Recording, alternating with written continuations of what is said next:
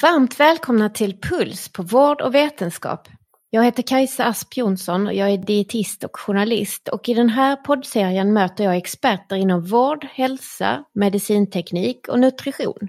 Podcasten ges ut av Fresenius Kabi som är en leverantör av produkter och tjänster inom hela vårdkedjan för terapi och vård på och utanför sjukhus. Varmt välkomna att lyssna!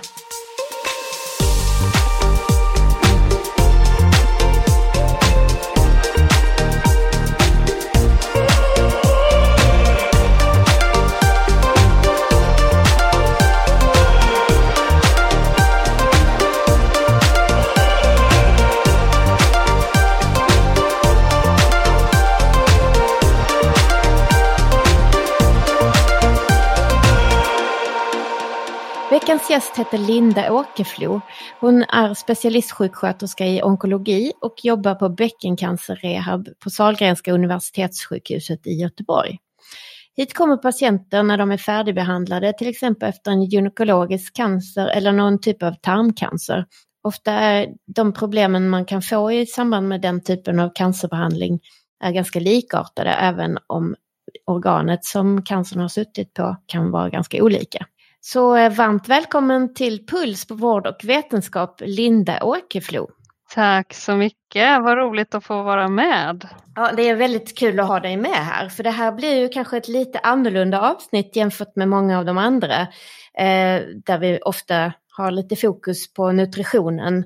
Idag blir det delvis lite fokus på nutrition men också på helhetshälsan kan man väl kalla det. Ja men precis, vi jobbar ju med människor och det är ju en helhet så att vi tänker hela människan. Eh, och det jag jobbar med i klinik är kvinnors hälsa efter strålbehandling eh, mot bäckenområdet. Och i bäckenområdet så har vi många organ som trängs och ska få plats.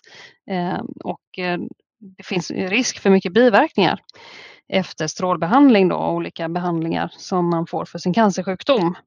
Eh, så de kvinnor jag träffar har fått eh, strålbehandling mot bäckenet och då är det vanligtvis en stor grupp är gynekologisk cancer men också analcancer och rektalcancer kvinnor då som vi träffar, patienter med den sjukdomen eh, och sjukdomarna. Och eh, har man fått en strålbehandling så går den ju inte att eh, ta bort. Den är ju given så att säga. Och eh, de skadorna, eller vad man ska säga, som kan följa med, eh, de, de eh, kan ibland gå över efter ett tag. Eh, själva biverkningarna som man kan få Eh, men de kan, en del av dem kan också vara kvarstående. Så det är det skedet när det har gått ett antal månader och ibland år efter sin avslutade behandling och man fortfarande har besvär kvar. Till exempel från tarmen eh, med täta avföringar, att man får täta trängningar, man får gå och tömma tarmen ofta, lös avföring och så. Det är då vi kommer in i bilden och kan hjälpa till att medicinera och hitta olika tarmreglerande medel och sådär. Men i min forskning så fokuserar jag på sexuella hälsan. Precis, för jag tänker att eh, många gånger så är väl cancern i sig liksom mindre känslig för strålningen än vad till exempel tarmen och, och slemhinnorna i i eh, underlivet och så är, tänker jag. Tumören är strålkänslig eh, i de fallen där man har botat cancern. Eh, det är ju en livshotande sjukdom som man får och då är strålbehandlingen en jättebra och effektiv behandling mot tumörtillväxten. Patienterna vi träffar i efterförloppet de har ju då blivit botade Eh, men de kan ju liksom må dåligt av sin behandling och det är ju där som vi behöver jobba. Ja, men så de du träffar har inte cancer längre kan man säga? Nej precis, de är botade. Nej. Ja, mm. och då behöver man rehabilitering eh, om man har kvarstående problem. Då. Besvär som hindrar en i vardagen. Det kan vara att livskvaliteten är väldigt nedsatt därför att man kanske inte vågar sig ut, därför att man måste ha nära en toalett eh, för att tömma tarmen när det tränger på. Eh, och det kan ju vara förödande om man bajsar på sig i något sammanhang där man träffar andra människor eller bara för ens egen känsla och för sin egen del så kan det vara väldigt eh, besvärande och eh, otrevligt och det vill man ju inte vara med om såklart. Att hela Nej. tarminnehållet töms i kläderna. Men det finns ju saker att göra, det finns interventioner att ta till Och det är det vi jobbar med i klinik då, att ge råd om egenvård och olika tarmreglerande medel. Det kan vara eh, Inolaxol som ni dietister säkert känner väl till eller liknande fiberpreparat som suger upp vätskan i tarmen. Därför att de här patienterna kan av strålbehandlingen få eh, väldigt snabb tarmpassage. Man hinner, tarmen hinner inte med liksom att suga upp vätskan. Bland annat det som kan vara en bidragande orsak till att det blir så här besvärligt och rinnande avföring och så. För då är det ju ett problem som är i tjocktarmen så att säga. Men kan även näringsupptaget i tunntarmen vara påverkat? Ja, men det kan det. Det kan det. Men det största problemet är att det, vätskan i tarmen kanske inte hinns med att tas upp. Då. Och då blir mm. avföringen väldigt lös. Men det, det, det är väldigt multifaktoriellt därför att det är en komplex ett komplext system vi har. Mm. Eh, så det kan finnas andra saker som också är påverkade både av strålningen eh, och annan behandling eh, som patienten har fått. Till exempel mm. kan det bli gallsyremalabsorption eh, och andra eh, dysfunktioner i tarmen. Mm. Så det kan vara jättekomplext. Men eh, för att enkelt liksom häva den största problematiken som många har till exempel med att man inte hinner fram till toa i tid om det blir väldigt lös avföring eh, och det tränger på ofta. Då jobbar vi mycket med sådana här tarmreglerande medel eller något annat som stoppar tarmens rörelser eller lugnar ner dem. Och eh, även gasmedicin. Just det, sånt man gav till sina bebisar när de var just, små. Just. Men i din forskning har du mer varit inriktad på den sexuella hälsan? Mm, Ska vi jag. börja med att säga vad är definitionen av sexuell hälsa? Det känns ju väldigt eh, eh liksom eh, subjektivt tycker jag. Ja men verkligen både och för att det finns ju något som, alltså WHO definierar ju sexuell hälsa som en central aspekt av att vara mänsklig, att det innefattar både kön, könsidentitet, roller, sexuell orientering, erotik, intimitet, reproduktion.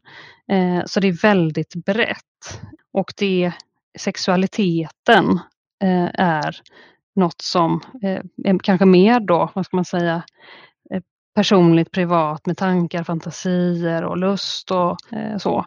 Och även påverkar förstås relationer då. Mm. Så ja, men lite kortfattat så. Men det är ju väldigt olika och man kanske definierar sexualitet olika. Det är väldigt individuellt och vad det betyder och hur viktigt sex är för en och att det kan vara olika viktigt i olika perioder i livet. Mm. För hur gamla, liksom, har du någon slags medelålder på de som ni träffar eller eh, är det alla ja, åldrar?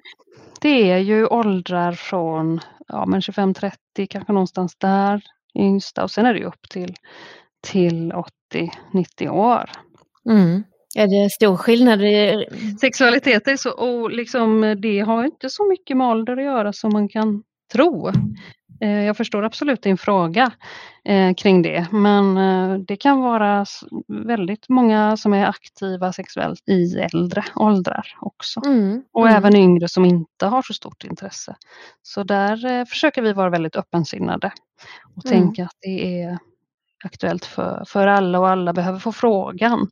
Sen behöver mm. man ju inte alls jobba med sexualiteten eh, med alla och särskilt inte de som inte eh, har intresse förstås utan eh, finns det behov av det, det behöver vi fråga.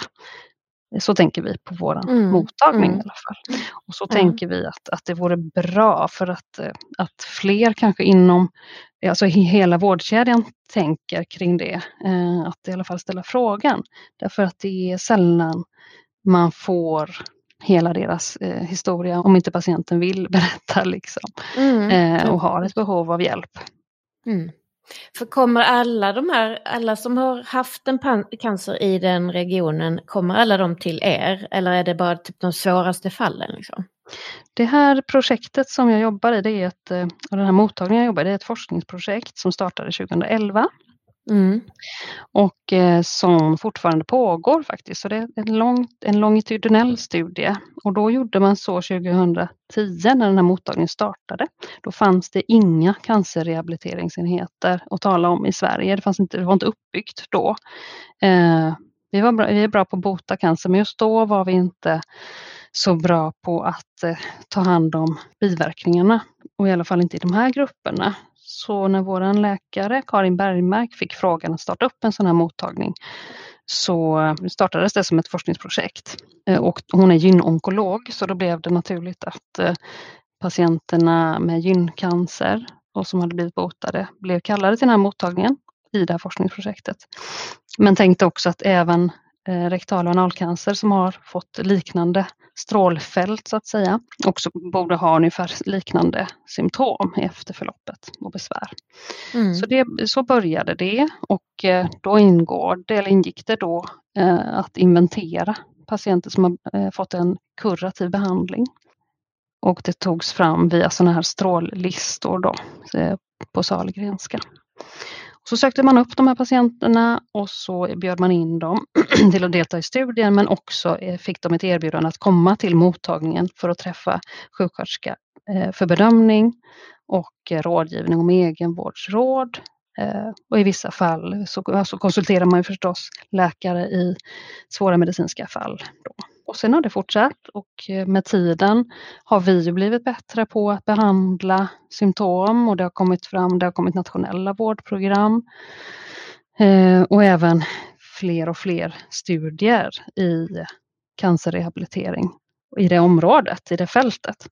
Så vi lär oss hela tiden mer och mer, men det finns fortfarande väldigt mycket att lära och utveckla och forska kring.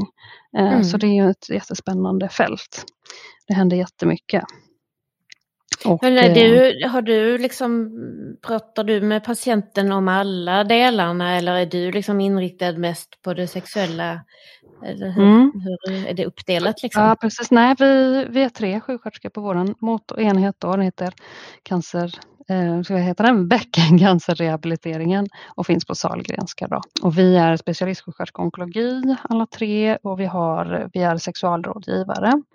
Eh, så när första besöket, när patienten kommer till oss, eh, eller som nu i pandemin när de har fått komma till oss via digitala vårdmöten, så gör vi en kartläggning av deras symptom. Och inför sitt besök så har de fyllt i då ett eh, väldigt omfattande frågeformulär med massor av frågor kring deras välbefinnande, livskvalitet, tarm funktion, urinvägsfunktion, eh, lymfsystemet, sin psykosociala hälsa och sin sexuella hälsa.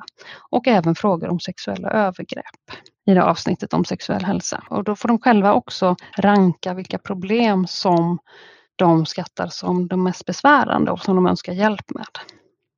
Då ligger korten redan på bordet för det finns många frågor i det här formuläret Eh, som för vissa kan kännas eh, säkert lite besvärande att svara på. Men de allra flesta säger faktiskt att det är nästan terapeutiskt att svara på frågorna för då kan man göra kopplingen eh, att jag har mått så här dåligt, att jag har haft de här besvären med läckande tarm eller att man har urininkontinens eller svullna ben eller svårigheter att ha samlag eller lustproblem och annat och smärtor. Eh, att det är kopplat faktiskt till en behandling man har fått. Eh, mm. Och att det faktiskt kanske då finns andra som, som också har de här problemen. Mm. För jag kan tänka mig att det kanske, man kanske inte tänker på att det ska kunna hända om man blir liksom behandlad för en eh, ändtarmscancer till exempel. Det kanske är lite mer så här naturligt att man tänker i de banorna om man blir behandlad för en äggstockscancer till exempel. Men eh, om det eh, liksom, ja, sitter i ett annat organ så kanske man inte har liksom det i första tanken att det ska kunna påverka mig på andra sätt än just liksom, det organets funktion. Det området, nej precis. Nej men så är det ju och vi anatomiskt hur vi ser ut i våran kropp eh, och våra könsorgan och var urinblåsan sitter och hur tarmen är belägen i förhållande till de olika organ, könsorganen och livmoder och slida och eh, alltså det är ju en kunskap som faktiskt inte alla kvinnor besitter. Eh, och så att vi brukar börja med en eh, anatomisk och fysiologisk genomgång och visa bilder. Så här ser kvinnokroppen ut. Eh, vi har träffat mest kvinnor. Vi träffar även män med eh, analcancer och rektalcancer bland annat. Ehm, eller som är färdigbehandlade för det då. Eh, men om vi återgår till de, den stora gruppen som är kvinnorna, då går vi igenom vilka organ och hur det påverkas. Och när det handlar om den sexuella funktionen så är det inte heller alla som har full kunskap om hur det fungerar med upphetsning och vilka mekanismer som sätts igång och, och sådär.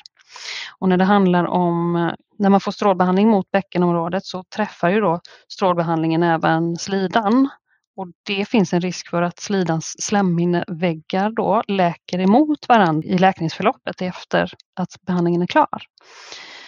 Och det gör att vi rekommenderar att man använder en vaginalstav för att förhindra att det blir en sån sammanläkning. Eller det kan bli om man inte, det är väldigt olika när den där typen av läkning sker och det sker inte för alla.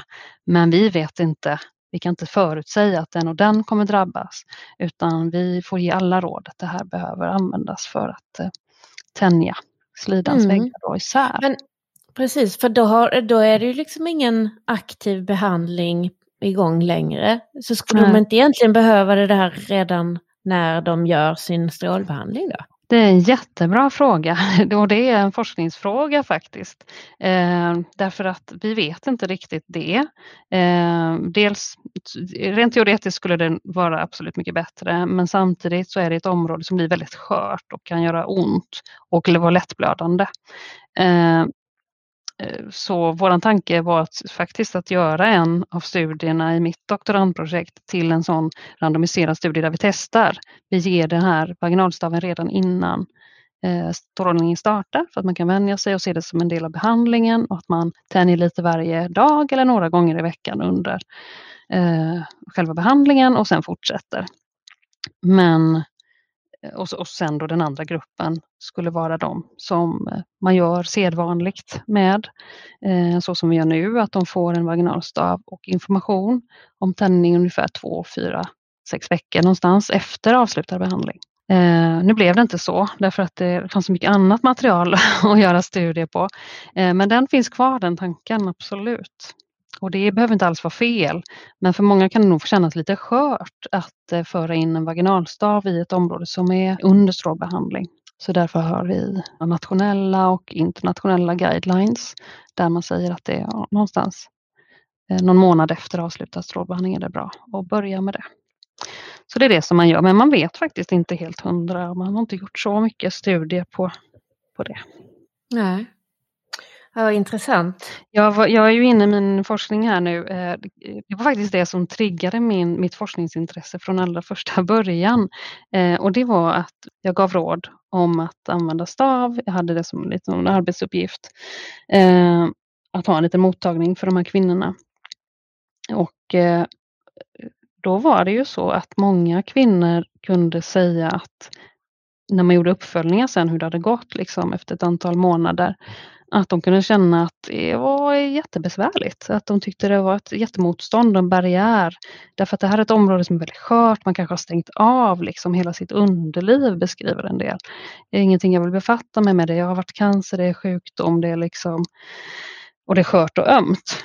Och någon beskrev det som att ja, men när jag för in den här vaginalstaven, vilket är rekommendationen då att man gör ett par gånger i veckan, 5-10 minuter varje gång. Använder glidmedel för att det inte ska göra ont och bli friktion och sådär.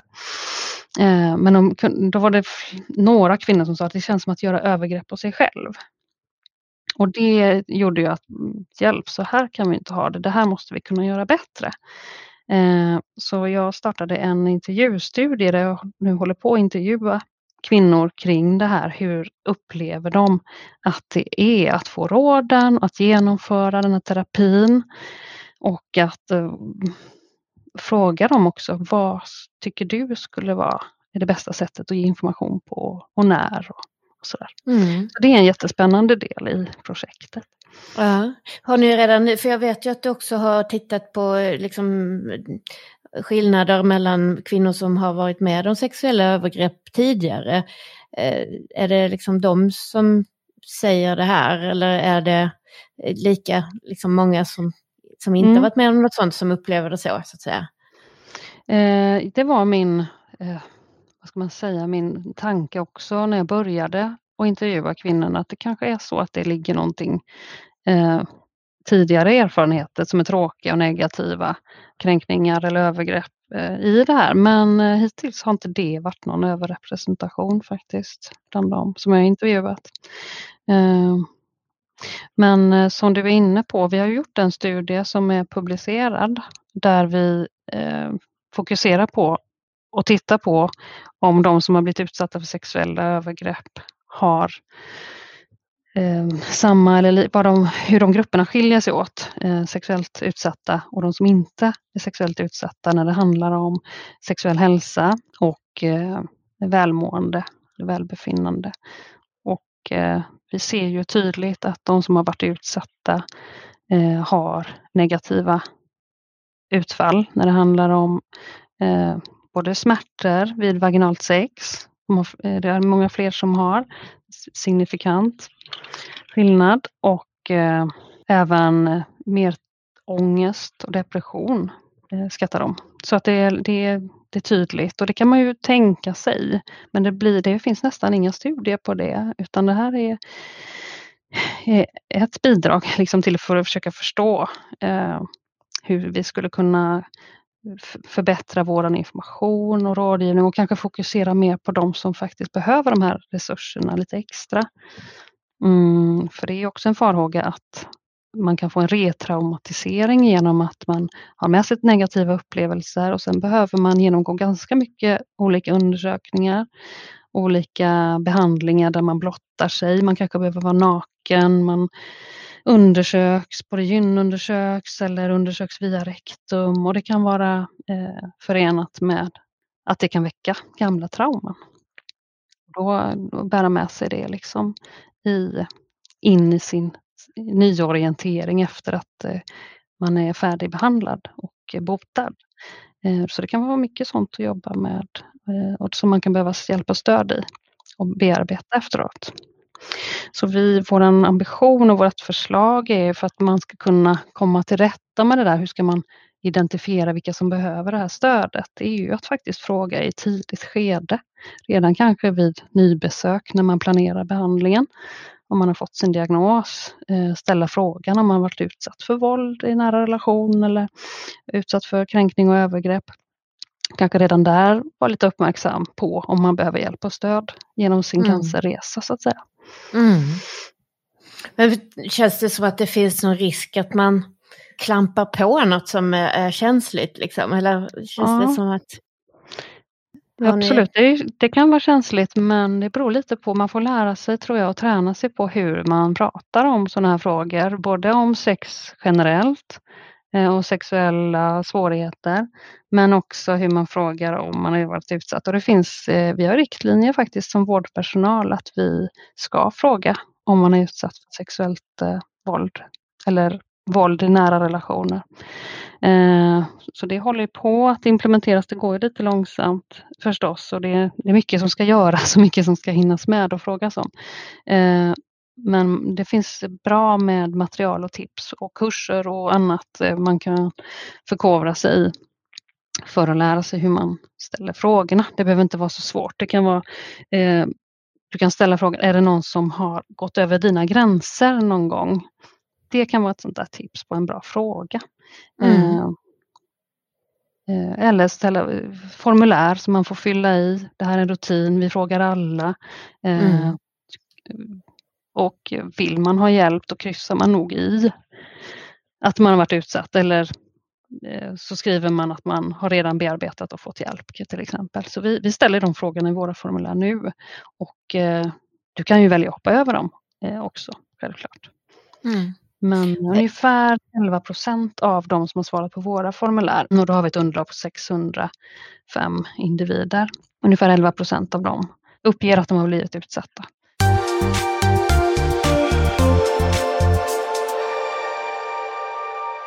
Det här med att svara på en massa frågor innan man kommer till vårdbesöket och så. Det känns ju som att det är ett jättebra sätt att spara tid och liksom gå direkt på de saker som behöver åtgärdas här och nu. Liksom. Mm. Men finns det risk att man missar något om man tänker sig att vissa kanske inte förstår frågorna ordentligt och inte kan formulera sina svar. Eller att man riskerar att det blir liksom lite ojämlika förutsättningar till att få hjälp. Ja, jo jag tror att det måste vara ganska så lättöverskådliga frågor, lite breda frågor då eh, som man får initialt och som liksom mer fångar upp, är det någonting vi behöver jobba med när, när patienten kommer? Och verkligen ta sig tid och fråga in real life också. Mm, mm. Det tror jag. Mm. Ja, men så intressant. Jag känner att eh, det är ju verkligen det här med hela människan. Mm, mm. Har du något, eh, liksom, finns det någon slags eh, liksom generellt sett någon koppling mellan eh, har jag mycket besvär i tarmen så har jag också mycket besvär i, i underlivet? Eller hur är det, liksom, kan det vara liksom olika? Det kan vara olika faktiskt. Det kan ju också bero på om man har genomgått annan behandling som kirurgi till exempel som kan förändra anatomin i bäckenområdet. Eh, för till exempel om du har haft en rektalcancer och blivit opererad och tagit bort rektum och omkringliggande vävnad där, då är det vanligt att slidan och livmodern liksom faller neråt bakåt och likaså urinblåsan. Mm. Om du till mhm. exempel har fått gjort en rektumamputation och har en stomi då. Eh, det blir mer plats bak till liksom, där rektum har suttit. Så att en viss förskjutning sker av liksom, organen och då kan det innebära att eh, slidan till exempel om du försöker dig på då ett vaginalt samlag så kan det upplevas som att det blir stopp därför att mm. det vinklar liksom så kraftigt bakåt mm. eh, i det läget. Så det handlar ju om att informera om det helt enkelt. Att det här kan ha skett och därför kan det kännas på ett annat sätt än det har gjort innan. Eh, ja, information där och se till liksom att diskutera det här och, eh, och så. Det är nyckeln tror jag för att bara förstå sin nya kropp. Vad har hänt och hur kan man göra nu och kan man få tips om andra sätt att ha sex på eller fundera på det. Och, ja, kommunikation med partnern är superviktigt. Det trycker vi mycket på eh, om man har en partner. Mm. Men för sin egen del också som kvinna att känna igen sin kropp och eh, återta liksom den efter att man varit så utlämnad som man många gånger känner i vården. Då. Mm. Därför jag har faktiskt eh, i ett annat sammanhang, jag gjorde en intervju i, inom eh, det här ämnet så att säga, eh, då kom det upp lite som att ja, ibland blir det faktiskt till och med bättre efter en sån mm. här, eh, därför att man stärker sin relation till sin partner, man kanske ja, man, man får en, liksom en djupare relation och, och, mer starka känslor för varandra när man har varit med om något sånt här tillsammans. Ja, ja, och att det faktiskt verkligen. kan bli bättre sex efter en canceroperation. Eller Jättespännande att du säger det, för så det har vi också varit med om flera som, som säger. Och det är ju verkligen solskenshistorier och eh, det handlar nog väldigt mycket om, eh, har vi märkt och som vi kan se lite på våra studieresultat och frågor också, hur man svarar att det är liksom kvaliteten på relationen. Eh, den sätts ju verkligen på prov när man råkar ut för en sån här tuff kris. Eh, så att den har jättestor betydelse eh, för, för ett par då, om man har partner. Ehm, och sen, så, det finns hela spektrat, precis de som känner att man får ut, man har en tacksamhet i livet och sådär men eh, det kan också vara åt andra hållet, att varför överlevde jag det här? Det här är inget liv som jag vill ha riktigt så som det är nu. Eh, så då får man jobba lite med det. Mm. så det finns verkligen hela spektrat och eh, det är jätteviktigt att vi individualiserar vården. Att, eh, att vi ser varje person. Mm. Individualiseras det även i, i liksom det sammanhanget att man eh, har olika antal besök eller alltså hur länge går man hos er? Är det så länge man behöver? Liksom, eller? Ja, mm. men vi har faktiskt ingen sån gräns utan det är individualiserat och baserat på besvär och, och eh, hur mycket patienten själv känner att man vill ägna sig och sig åt eh, liksom sin, och lägga energi och tid på eh, interventionerna så att säga. Mm. Och det mm. varierar ju också. Så att det är en överenskommelse hela tiden vilken vårdplan som gäller för den här individen.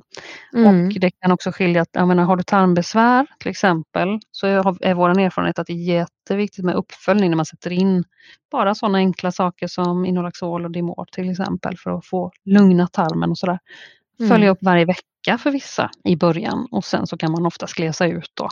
Men för att det ska vara följsamhet i, i, i läkemedlen och så, så eh, kan det ha jättestor betydelse bara att vi ringer och checkar av hur läget är liksom och hur går det och sådär. Ja men spännande. Det känns ju som att eh, ni har verkligen täckt in hela människan här. Mm, stora delar. ja, men ja, precis. Nej, men att det, det är ju många som tycker det är lite jobbigt att prata om, om tarmbesvär och det kanske är ännu jobbigare att prata om sexuella saker. För vissa. Det är nog både och då väldigt olika faktiskt. Mm. Mm. Eh, men absolut, det är ju känsliga områden och eh, skämmigt som många uttrycker det och skuld och skam, att man inte kan hålla sig liksom och eh, ha kontroll över sina kroppsliga funktioner. Det är ju mm. verkligen förenat med skuld och skam och genans om man råkar prutta eller kissa på sig eller bajsa på sig. Det är ju förfärligt upplevelse för många. Ja, så, mm, så är det. Mm. Så det är intressant och väldigt tacksamt att jobba med för att det finns ju så mycket man kan göra också mm. som gör situationen bättre. Ja men precis, jag tänker att det är kanske många som liksom lite lever i, i det tysta med detta också. Man eh, ja. in, inte söker vård just för att det är skämmigt kanske. Nej, man kan ju, det glömde jag säga också, man kan komma till oss på, på remiss, eh, mm. både från vårdgivare men också egen remiss om man skriver. Nu är det ju Västra Götalandsregionen vi har som upptagningsområde då och Halland delvis. Så mm, man kan komma både som att vi gör uppsök, uppsökande verksamhet, vilka som har strålbehandlats färdigt eh, en viss tid och sen så också på remiss. Mm. Man kan ringa och slå en signal själv och, och, säga att man vill komma eller har besvär eller så diskuterar vi det. Mm. Ja, det låter toppen. Och sen så finns det också en hemsida som vi skulle vilja tipsa om. För att eh, om man inte bor i den här regionen, eller delen av mm. landet, så, så mm. har man i alla fall tillgång till en hemsida som heter Efter cancern. Vill du berätta ja, lite om det? det stämmer. Det är en, det, den är vi jätteglada för och stolta över för att den når ut. Och eh, där kan man hitta råd, de råd som vi egentligen ger i stora drag Eh, när det handlar om både tarmfunktion och kostråd, eh, om urinvägsbesvär, om sexuella problem eh, och om, jag tror inte vi skriver så mycket om lymfödem, men lite om fatigue, trötthet vid eftercancerbehandling. Eh, så jag tror det är ungefär de områdena vi har med. Mm. Och eh, den kan vi eh, uppdatera hela tiden när det kommer nya råd och rön så att mm. den hålls levande. Precis, för jag tänker att det måste ju också vara väldigt viktigt vad man har för förväntningar på en behandling. Att man inte mm. tror att jag ska gå ut genom dörren här efter min sista strålbehandling så ska jag gå ut genom dörren där och så är jag frisk och liksom allt mm. är som vanligt. Eh, att Just man det. faktiskt är lite beredd på saker som kan komma senare ja, också. Verkligen, och det där är ju en svår balansgång för man vill inte skrämmas heller. Eh, och, men jag tror inte att man gör det utan man vill ha adekvat information när man eh, ska in i en ny eh, livssituation. Liksom. In mm. i en ny, ny behandling och man vill veta vad det innebär. Och eh, Sen är det ju viktigt att trycka på att eh, det är, inte, eller är långt ifrån alla som får långtidseffekter. Eh, men, ja, men det är viktigt att veta att det kan ske. Så att man i alla fall mm. har hört det någon gång eller läst om det. Då. Så att man har någon slags mental förberedelse som du säger. Så jätte, jätteviktigt. Mm. Och det är också viktigt att det finns ett forum eller en sida dit man kan gå när man själv är redo. Så att man mm. inte tycker att det där har jag aldrig hört. Men det kanske mm. är fem personer som har sagt samma sak till dig fast du var inte mottaglig för det just då för du var så i, inne i Nej. dig själv. Nej men precis, det är ju det som är så svårt med information. Man tycker man har sagt eh, saker men eh, precis är man inte på samma plan då eller våglängd så eh, kanske man inte har satt in den informationen. Så det är verkligen som du säger. Där kan man välja att gå in lite när man känner att man är redo och mogen liksom, mm. i alla fall. Mm. Och att också anhöriga kan förstå lite mer kanske. Exakt, det är ju inte minst viktigt. Och sen mm. finns vi också på Facebook. Eh, mm. Där heter vi Efter cancern. Och eh, eh, hänvisar väldigt mycket till vår hemsida men det kan highlightas lite olika saker både om föreläsningar som läggs upp och, och annat. Så att det där kan man hålla utkik också. Mm. Ja, jättebra. Många bra tips här idag. Vad bra! Att jag ska släppa Eh. iväg dig nu. Jag är så glad att vi liksom fick till den här inspelningen Ja. till slut. Det, var supertrevligt. Tusen tack för din tid Linda och jag önskar dig stort lycka till med fortsättningen i din forskning och eh, jag hoppas vi hörs och ses igen på något sammanhang. Gärna, gärna. Tack så mycket. Tusen tack! Ha det så bra. Vi hörs.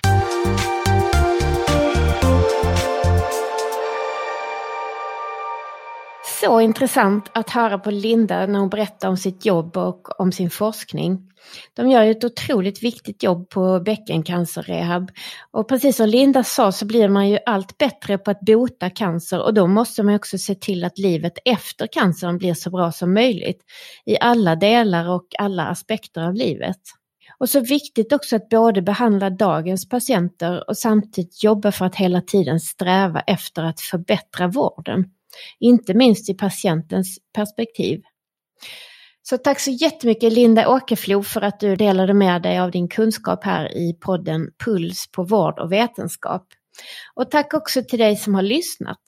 Den här podden ges ut av Fresenius Kabi som är en leverantör i hela vårdkedjan, på och utanför sjukhus. Klinisk nutrition, infusionsterapi, intravenösa läkemedel, biosimilarer, desinfektion och medicinsk teknik. Det är områden som de jobbar med. Vill du veta mer så gå gärna in på freseniuskabi.se. Jag hoppas att vi hörs snart igen. Ha det jättebra. Hej hej!